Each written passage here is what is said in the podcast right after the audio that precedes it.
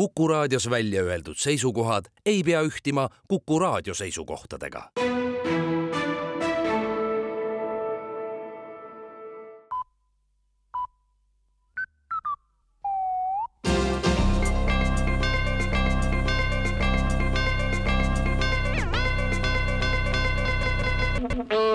tere kuulama uudiseid stuudios Rohke Debelak alustame innovatsiooniga Riigikogust. EKRE annab teada, et muudatusettepanekud hakkavad otsa saama ja tundub, et kõik, mis vähegi võimalik oli, on juba kasutusele võetud ja normaalne parlamendi töö võib nii toppama jääda.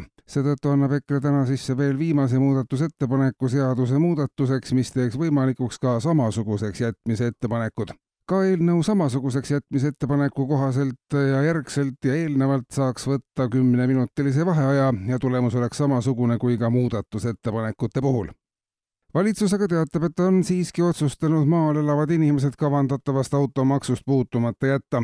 nimetatud maks on maal elavatele inimestele ebaproportsionaalselt koormav, selle asemel ja kompensatsiooniks aga kehtestatakse maal elamise maks vaatamata arvukatele riigipoolsetele signaalidele ei jõua inimesteni piisava kiirusega tõdemus, et maal elamine on riigile kulukas. maainimestega on väga palju kulukaid probleeme, kõige muu hulgas tegeletakse maal ka väheperspektiivika põllumajandusliku tegevusega, mille peale kulub palju maksumaksja toetusraha, ehkki linnas saaks inimene kontoritööl olles ühiskonnale palju vähem kahju teha. maal elamise maksu täpsemad määrad selguvad kahe nädala jooksul riigikogu istungite saali mikrofonid lähevad esialgu kaheks kuuks hooldusesse, nii annab teada Riigikogu juhatus peamiselt puudutab see opositsioonisaadikute mikrofone, mis sügisistungjärgu jooksul on saanud sama palju koormust kui muidu kümne aasta kestel ja seetõttu ei ole enam saadikute jutust midagi aru saada. ehkki sõnad kõlavad selgelt, aga mõtet ei ole enam üldse sees, märgib Riigikogu juhatus. mõned mikrofonid jäävad alles koalitsioonisaadikutele ja nendelegi mitte kõikidele ja üks jääb ka spiikrile.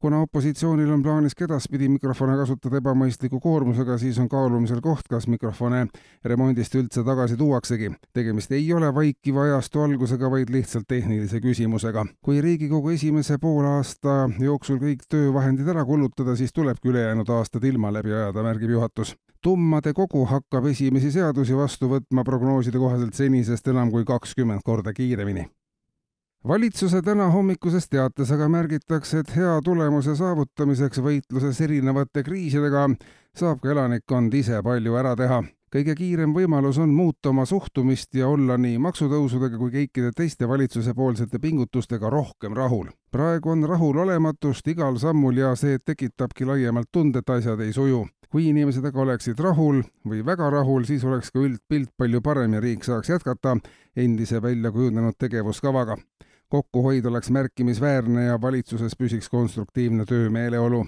algus on tehtud ja valitsus ise on oma tegevusega rahul nüüd peavad inimesed ka rahul olemises oma õla alla panema, märgitakse valitsuse teate lõpetuseks. kuulsite uudiseid.